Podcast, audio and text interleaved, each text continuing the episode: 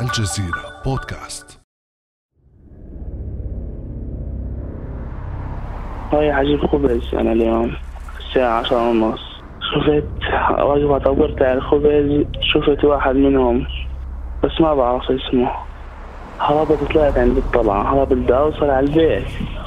لقيت باص كيا مضلل في راكب الباص. قلت تعال الباص وصلني بس معك فوق. لأنه وصلني يعني فوق. صار يماطل بالحكي هو. اجى علي اثنين هم. واحد اسمه السبعاوي وواحد اللي شفته. السبعاوي ركب جنبي وحط المفك على بطني يطعني. اللي إذا بتصرخ بطعنك بعدين نزلوا النزل وراحوا على اليمين. إجت سيارة فانتي كحلية فيها كان أربع أشخاص. نزل من دبة الباص أربع أشخاص. صاروا بالباص سبعة. صالح طفل الزرقاء يبلغ من العمر 16 عاما. اختطف من قبل جنات أثناء خروجه إلى السوق لشراء الخبز. فقطعوا يديه وفقأوا عينيه. وبعدما أنهى الجنة جريمتهم تركوا الفتى في منطقة خالية من السكان. ثم وضعوا يديه في كيس وأرسلوها إلى أمه. جريمة هزت المجتمع الأردني والعربي. ولكنها ليست الجريمة الأولى في مجتمعاتنا العربية. هي حادثة من مجموعة حوادث متكررة. من فاطمة ابنة جرش التي ترجت وتوسلت زوجها أن يترك لها عينا واحدة ترى بها أولادها فاقتلع عينها أمام أولادها. إلى المصرية مريم محمد فتاة المعادي ذات الأربعة والعشرين عاما التي قتلت دهسا تحت إطارات سيارة يستقلها ثلاثة شبان حاولوا التحرش بها وقبلها شيماء في الجزائر التي عثر على جثتها داخل محطة وقود بعد تعرضها للاغتصاب والقتل والحرق. وكذلك الطفل عدنان في المغرب ابن الأحد عشر عاما والذي اغتصب وقتل هو أيضا. والفتاة رحمة بالأحمر في تونس التي قتلت واغتصبت وقطعت. وأخيرا الجريمة التي ارتكبتها أم في حق أبنائها عندما أقدمت على رمي طفليها من أعلى جسر في نهر دجلة بالعاصمة بغداد. ولكن يبقى السؤال المطروح هنا ما سبب انتشار هذه الجرائم البشعة في مجتمعاتنا العربية؟ وهل القوانين رادعة وصارمة أم أنها تسمح للمجرمين بالإفلات من العقاب؟ وهل سيدين المجتمع المجرم أم الضحية؟ بعد أمس من الجزيرة بودكاست. أنا خديجة بن جنة.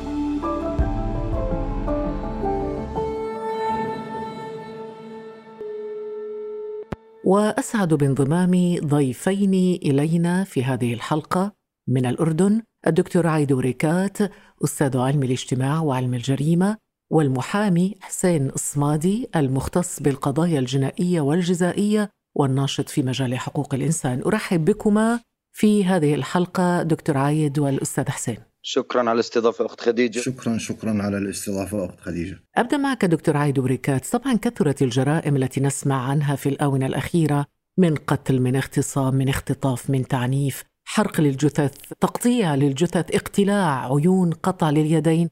ما هي الأسباب الاجتماعية برأيك وراء انتشار هذه الظاهرة بهذه الكثافة أو هذه القوة في الفترة الأخيرة؟ حقيقة الأسباب متعددة، هذه الدول التي ذكرت ووقعت فيها هذه الجرائم البشعة اشتركت في ما يسمى أو ما نسميه بالربيع العربي خلال السنوات القليلة الماضية وتزامن ذلك مع ارتفاع في معدلات الفقر والبطالة والأهم من ذلك كله هو انتشار المخدرات وتعاطي المخدرات. أنت بتعرفي انه هؤلاء الناس الذين يتعاطون لابد لهم من توفير المال أحيانا وتوفير السمعة من أجل كسب المال، يعني أنا بحكي عن الأردن بالذات فبناء على ما قرأت وما شاهدت فهؤلاء الناس يتخذوا من العنف وسيلة من أجل الهوية الجمعية لهذه العصابات والمجموعات ويتخذوا أسماء غريبة وعجيبة وبالتالي نجدهم يستخدموا العنف أيضا لجني المال من أجل توفير المخدرات ومن أجل الإنفاق على أسرهم حتى وإن كانوا بالسجون فأسرهم لديها رواتب من هؤلاء من تلك العصابات. يمكن أنا بالنسبة لموضوع جريمة العراق أعتقد أن هذه السيدة تعاني من وسواس قهري أو ظروف واضطرابات نفسية يمكن ما تشترك معهم في قضية التعاطي لكن ما عدا ذلك أنت شفتي لاحظتي معظمهم شباب في العشرينات وهذا هو سن الجريمة في العالم بين 22 و 39 عام. يعني معظم نزلاء السجون هم من هذه الفئات العمرية. بالنسبة لي القضية الثانية قضية الردع حقيقة يعني أنا ما بعرف كيف بده يكون في ردع وهؤلاء الناس كلهم عندهم قيود يعني كلهم دخلوا السجون ثم خرجوا. طيب لنأخذ إذا رأي الأستاذ حسين الصمادي توافق على أن الأسباب هي الفقر المخدرات ربما نضيف إليها ثقافة الثأر والانتقام بناء على تفاصيل حادثه أو جريمة الزرقاء وأيضا الأم العراقية التي أرادت أن تنتقم من زوجها فألقت بابنيهما في نهر دجلة. هل تضيف اسبابا أخرى أستاذ حسين؟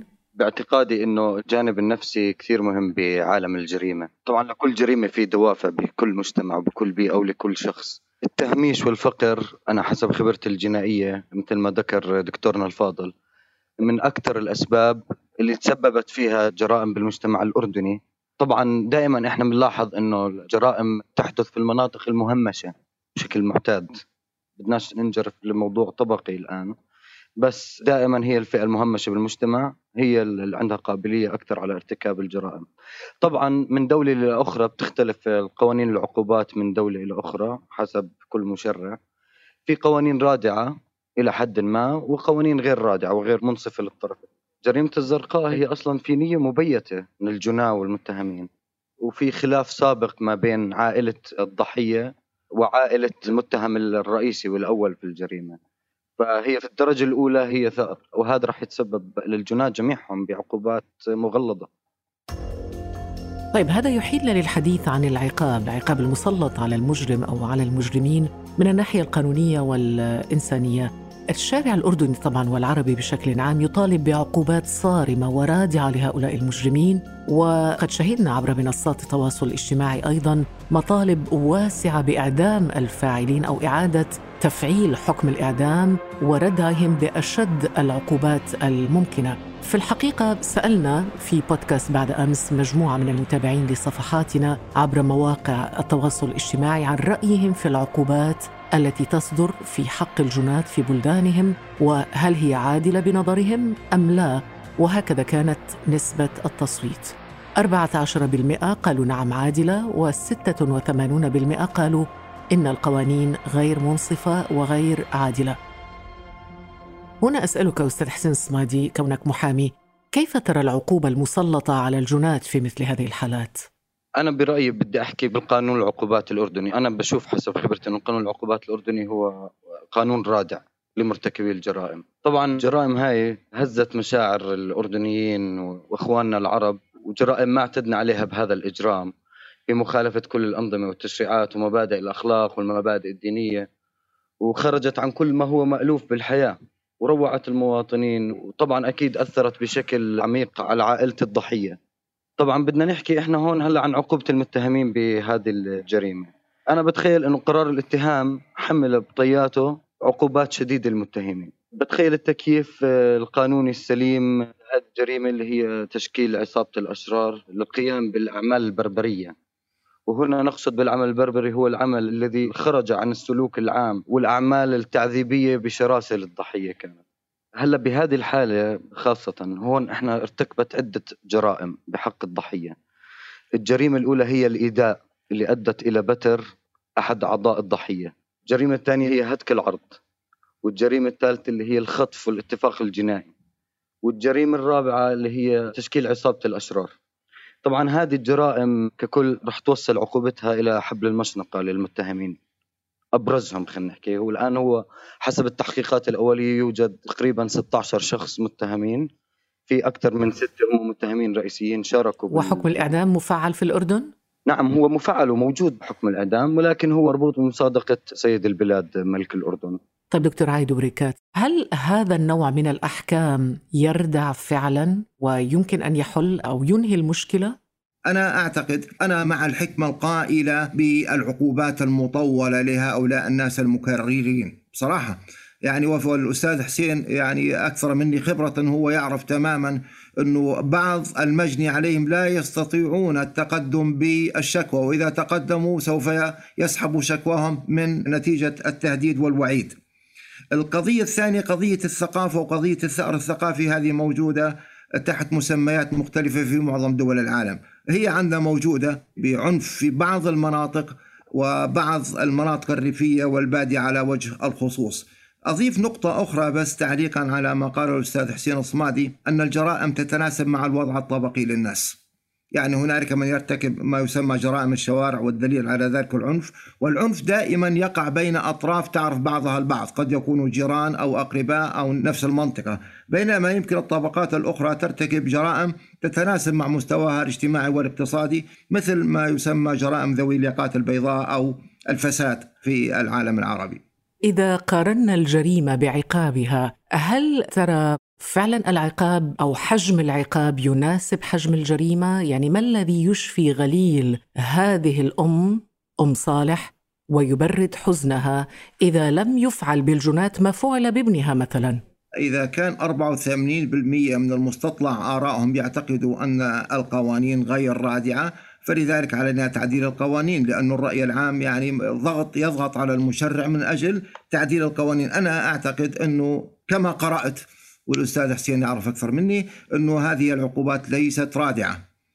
ليست رادعة ابدا ولا بد من التعديل والتغليظ والحبس لمدة طويلة وحرمانهم من الربع اللي بيأخذوه لما الإنسان يسجن عشر سنوات يأخذ الربع القانوني يعني ما بخدم عشر سنوات حوالي سبعة ونص يخدم. طيب هذا ما تطالب به أم صالح أو والدة صالح تقول يجب أن يعاقب الجنات بنفس ما تسببوا به لصالح. أنا ما بدي إياهم ينعدموا ولا ينشنقوا. بدي العين بالعين والسن بالسن والبادي أظلم. أنا بالنسبة لي يعني هذه من شريعة حمورابي ثم انتقلت إلى التوراة ثم أخذت فيما بعد على آية القصاص ولكم في القصاص حياة يا أولي الألباب. أنا أضم صوتي إلى صوت أم صالح بصراحة. و84% من المستطلعين يضموا رأيهم أيضا إلى رأي أم صالح. لا بد أن يكون الجزاء من جنس العمل. لكن تعرفي يعني التطور التاريخي يعني آه، للعقوبات الآن. أنت بتعرفي معظم عقوبات الإعدام عندنا مجمدة. إحنا نميل إلى الإصلاح والتأهيل أكثر. وهنالك من يدعي أنه لا فائدة حتى من الإعدام. والدليل على ذلك أنه حتى الدول التي تطبق عقوبة الإعدام لتجار المخدرات والقتلة هذه الجرائم في ازدياد. فيقولوا طيب ما جدوى عقوبة الإعدام؟ إذا كانت جرائم القتل تزداد. وإذا كان التجار بالمخدرات يزداد وإحنا نعدم. ومع ذلك هذه الجرائم تزداد. يعني هذه مقولتهم بصراحة. أنت أستاذ حسين الصمادي كقانوني وكمحامي كيف تقرأ كلام أم صالح؟ أنا برأيي أتفق مع أم صالح بالمنظور الشخصي. لو عن جد وجد تشريع نقدر نحاكم المتهمين بالطريقة هذه. ولكن قانون الآن يعني لا يوجد؟ لا لا يوجد. لكن القانون هو بعيد عن العاطفة. أعتقد بأن حكم الإعدام رادع. وكافي لهذه الجرائم المماثلة. أنت مع حكم الإعدام؟ نعم. دكتور عايدو ريكات تؤيد حكم الإعدام؟ أنا مع تطبيق حكم الإعدام نعم. أنا رجل أعتقد أنه الإعدام فيه أيضا موعظة وعبرة لكل من تسول له نفسه أن يعتدي على الآخرين. لكن للأسف يعني حتى عقوبة الإعدام عندنا غير مفعلة يعني. في كثيرين من الناس محكومين بالإعدام وهم ينتظروا يعني. وهذا الجدل أيضا قائم في تونس حول إعادة تفعيل حكم الإعدام وهو حكم مجمد منذ سنوات طويلة. اذا تكرار هذه الحوادث في دول كثيرة من العالم العربي ربما يعيد إلى الواجهة النقاش والجدل حول تفعيل حكم الإعدام مرة أخرى وهو بالمناسبة يعني في الدول الغربية أو في مناطق أخرى حكم الإعدام ألغي فهل هناك فعلا ما يبرر إعادة هذا الحكم الذي اعتبر يعتبر من طرف الحقوقيين ومنظمات حقوق الإنسان أنه انتهاك لحق الحياة للإنسان؟ يعني أنا بعرف أنه حوالي 150 دولة ألغت حكم الإعدام هنالك كثير من الولايات الأمريكية رجعت حكم الإعدام حكم الإعدام قد يعني هنالك دول ما فيها سجون ما في عندهم سجناء. يعني إحنا كمان دائما نقارن حالنا بالغرب إحنا لنا خصوصية مختلفة تماما وعندنا ظروف اقتصادية واجتماعية وثقافية مختلفة تماما. إحنا يجب أن نأخذ ما يناسب مجتمعنا. أنا حقيقة أطالب بتفعيل وإرجاع عقوبة الإعدام كما كانت. إحنا قبل التسعين ما كان عندنا جرائم مخدرات ولا جرائم عصابات. إحنا كل هذا يمكن خلال آخر عشرين سنة بدأ يظهر على السطح مثل هذا الكلام. يعني حتى المخدرات لم تكن. كنا نقول أن الأردن يعني منطقة عبور للمخدرات لكن الآن أصبحنا يعني تجار مخدرات لدينا. فلذلك أنا أطالب بعودة عقوبة تفعيلها هي موجودة ولكن أطالب بتفعيل هذه العقوبة حتى يعلم من يعتدي على هؤلاء الناس. حق الحياة أيضا للمجني عليه وينه؟ يعني حق الحياة للمجرم. طب وحق الحياة بالنسبة للمجني عليه؟ يعني هذا الشخص الذي فقد اليدين وفقد العين وفقد كل شيء. طيب هذا شو بده يرجع له حقه؟ طب نحن نتحدث طبعا عن العقاب على الجريمة بعد ارتكابها، ماذا لو تحدثنا عن الحلول يعني قبل ارتكاب الجريمة، الحلول الممكنة، الوقاية، البعد الاجتماعي والأسري في الحد من هذه الظاهرة، دكتور ما هو البعد الاجتماعي؟ هنا أهمية الأسرة أهمية المحيط الاجتماعي المدرسة دور مؤسسات المجتمع المدني في تفادي حصول هذه الجرائم. أكيد أكيد يعني الوقاية جدا مهمة لكن وقوع هذه الجرائم دليل على فشل هذه المؤسسات التي لم تستطع أن تنجب وتربي وتنشئ جيل يحترم القانون ويحترم الثقافة. فإحنا الآن أصبحنا على طول ننظر إلى التعديلات وتغليظ العقوبات وتعرف يعني الضبط الاجتماعي غير الرسمي العائلي والجيرة والقرابة تراجع بشكل كبير خلال العشرين سنة الماضية. فلذلك نلجأ للقانون مباشرة ونطالب بعقوبات مشددة. أنا معك بالنسبة للتوعية وبالنسبة للأسرة لكن لما تكون الأسرة مفككة لما تكون الأسرة كبيرة لما تكون الأسرة تسكن في منطقة مكتظة مليئة مزدحمة فقيرة مهمشة فبصراحة هذا مسؤولية فعلا الدولة مسؤولية الجهات الرسمية ومسؤولية أيضا القطاع الخاص والجمعيات التي أشرت إليها. طيب دور القانون في هذه الحالة أستاذ حسين الصمادي ما هو؟ للأسف بعيدا عن القانون ما يجول في أروقة المحاكم بالأردن التطبيق القانوني غير سليم في المحاكم الجزائية والجنائية كون أصلا يعني مكرري الجرائم دائما اعتدنا عليهم إنه بنشاهدهم بنشاهد محاكماتهم وللأسف في وقت قليل بيعودوا من السجون لافتعال جرائمهم مرة أخرى ومرة أخرى ومرة أخرى في الشارع الأردني. أنا بتخيل إنه في عندنا خللين، خلل في القانون أو تطبيق العقوبة الأشد للمتهمين أو للجناة أو مرتكبي هذه الجرائم، والخلل الثاني هو الدور الإصلاحي في مراكز الإصلاح والتأهيل. ما بتخيل إنه مراكز الإصلاح والتأهيل عم بتقوم بدورها الكامل بإصلاح المتهمين أو بإصلاح أفعالهم. لأنه ودائما يعني أنا ما بعرف كيف شخص بحقه 176 قيد ما زال بالشارع ما زال يخالط العامة الناس. وأغلب قيوده من الجرائم خلينا نحكي اللي تؤذي البشر وتؤذي من حوله. فأتمنى لو المحاكم والسلطات المختصة تطبق العقوبات الأشد وما تأخذ تعقيبا على كلام الدكتور ما تأخذ بالحد الأدنى للعقوبة. أنا دائما مع الحد الأعلى. وبتخيل يعني هون بنحكي إحنا عن جزئية الردع. بتخيل لو كان في الحد الأعلى للعقوبة بتخيل رح نشوف في رادع قانوني قوي. والأصل هي من العقوبة هي الردع. بس لما تكون عقوبة خفيفة وسخيفة لن تكون رادعة. وهذا ما تؤكده حادثة شيماء التي تبلغ من العمر 19 سنة والتي عاد الجاني أو المجرم بعد ثلاث سنوات من السجن بتهمة اغتصاب شيماء عاد لينتقم منها بعد خروجه من السجن ويقتلها ويحرق جثتها. هذا يؤكد كلامك أستاذ حسين. نعم طبعا إحنا بنواجه مشكلة أخرى مشكلة اجتماعية خلينا نحكي اللي هي الصلحات والعطوات وفنجان القهوة اللي أصلا يعني بعد جريمة الزرقاء المجتمع الأردني طالب أنه ما حدا يتدخل بالصلح ما بين العائلتين. طبعا هذه الصلحات دائما الأصل منها والرسالة منها اللي هي الصفح عن المتهم أو مرتكب الجريمة. طبعا إحنا ممكن نصفح عنه بالجريمة اللي ارتكبها في السابق ولكن هو راح يعود يكررها. كونه ما تلقى الإجراء أو العقوبة الرادعة. يعني في جرائم قتل كثير بالأردن خرج مرتكبيها بعد مضي عشر سنوات واستفادوا من قانون العفو العام. أنا ضد العفو العام بكل أشكاله. أنا كنت من محاربي سابقا يعني. واصلا يعني نصف المتهمين بجريمة الزرقاء هم أخلي سبيلهم من السجون بموجب قانون العفو العام. خلينا نتخيل لو هدول الأشخاص بقيوا في السجون. كان ممكن عن جد الضحية ما فقد إيديه أو ما فقدت عينيه. أو ما تعرض لهيك شيء وأنا بتخيل هم قبل صالح قبل ارتكاب هذه الجريمه ارتكبوا عدة جرائم بأشخاص ثانيين مش بالبشاعة هذه ولكن يعني بتكون أقل بس دائما هذول الأشخاص بيعتمدوا على التهديد.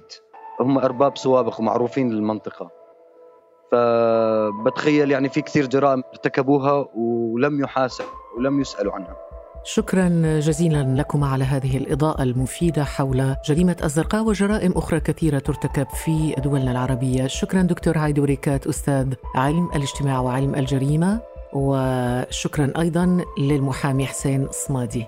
شكرا لكم. شكرا شكرا ست خديجة. يمكنكم الاستماع للمزيد من الحلقات الشيقة من الجزيرة بودكاست عبر مختلف تطبيقات بودكاست. كان هذا بعد أمس.